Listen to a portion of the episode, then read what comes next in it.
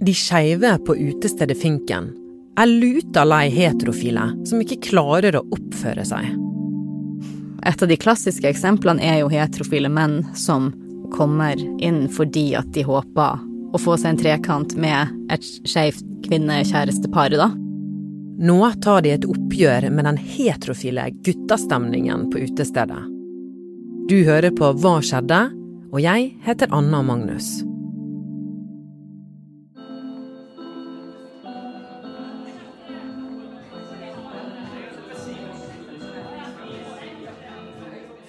Kristin Linde husker godt første gangen hun gikk på Finken. Utestedet for skeive i Nygårdsgaten. Det var halloween 2010, og hun hadde drukket seg til mot.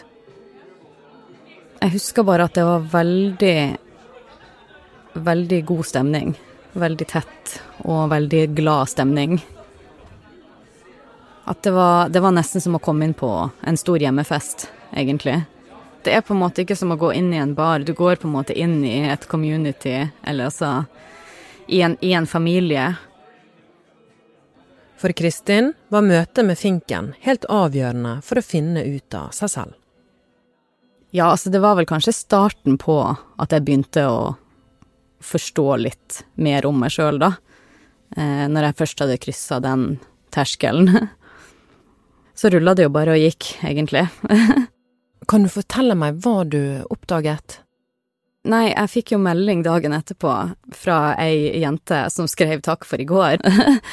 uh, og i starten så tenkte jeg ja ja, vi ser nå bare hva som skjer, men så innså jeg jo etter hvert at å ja, du er faktisk sånn. en jente som kan bli forelska i jenter, da.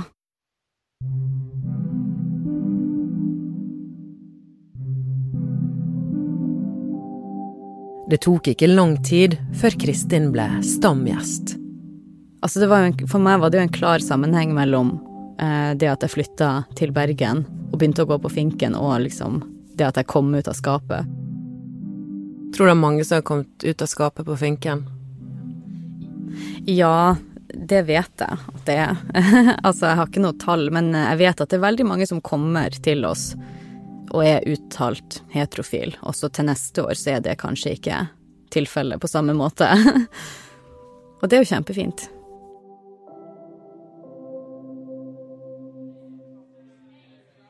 I dag er Kristin driftsleder på Finken. Og hvis du ikke har vært der, så har utestedet to etasjer. I første er det bar og skravleplass, og i andre er det et mye brukt dansegulv.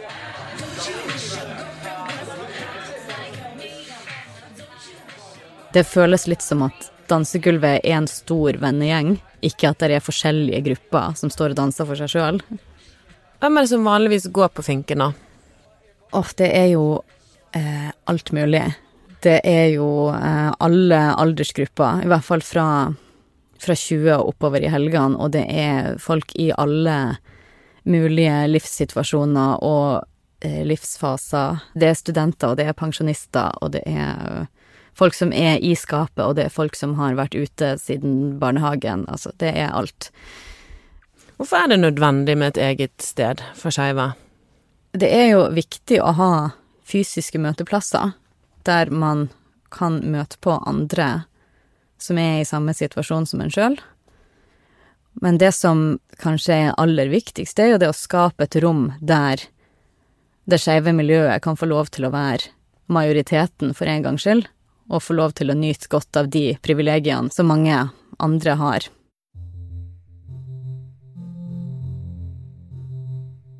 Men det er ikke bare skeive som går på finken.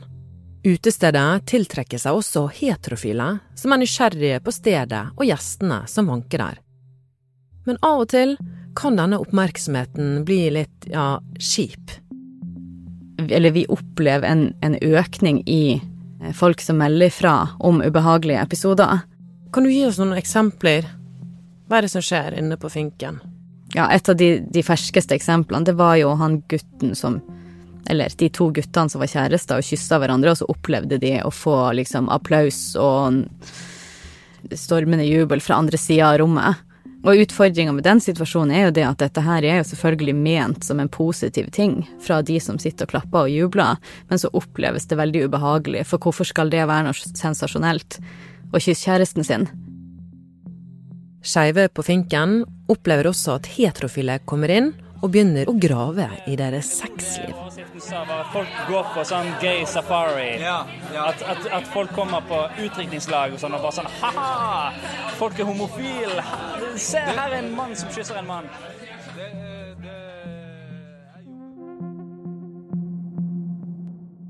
Et av de klassiske eksemplene er jo heterofile menn som kommer inn fordi at de håper på å få seg en trekant med et skeivt eh, kvinne-kjærestepar, da.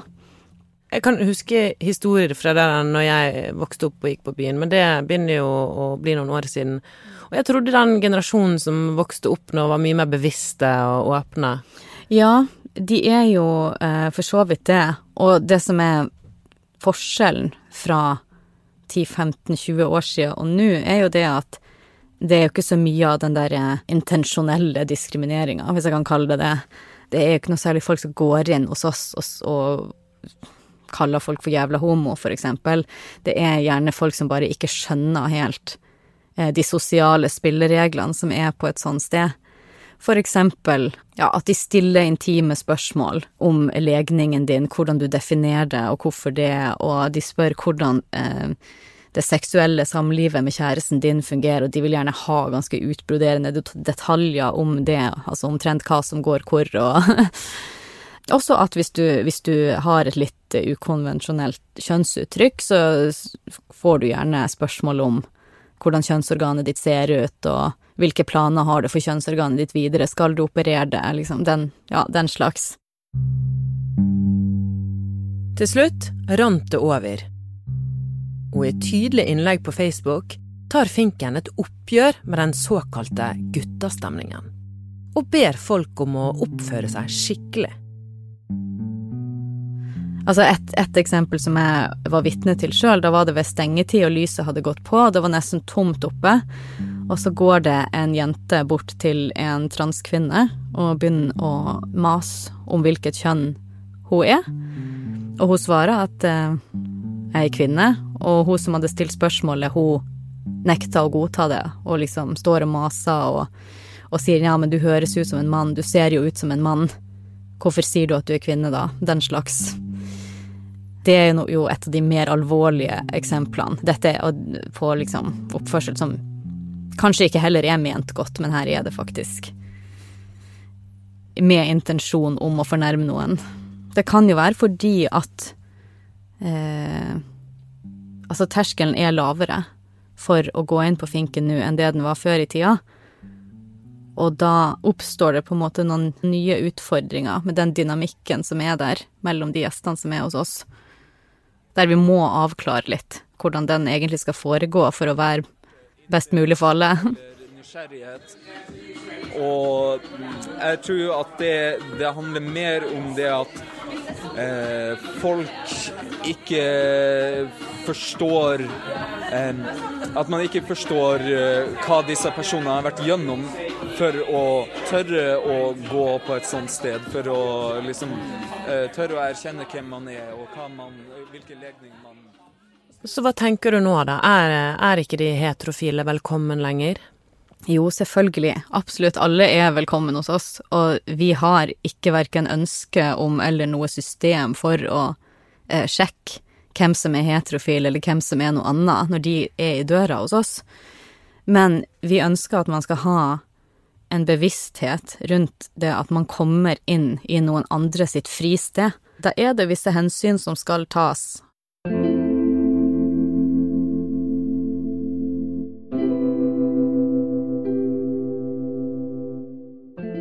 I år er Finken 30 år. Og Kristin Linde ønsker at gjestene skal fortsette å føle seg trygge og se på Finken som et hjem. Eh, det som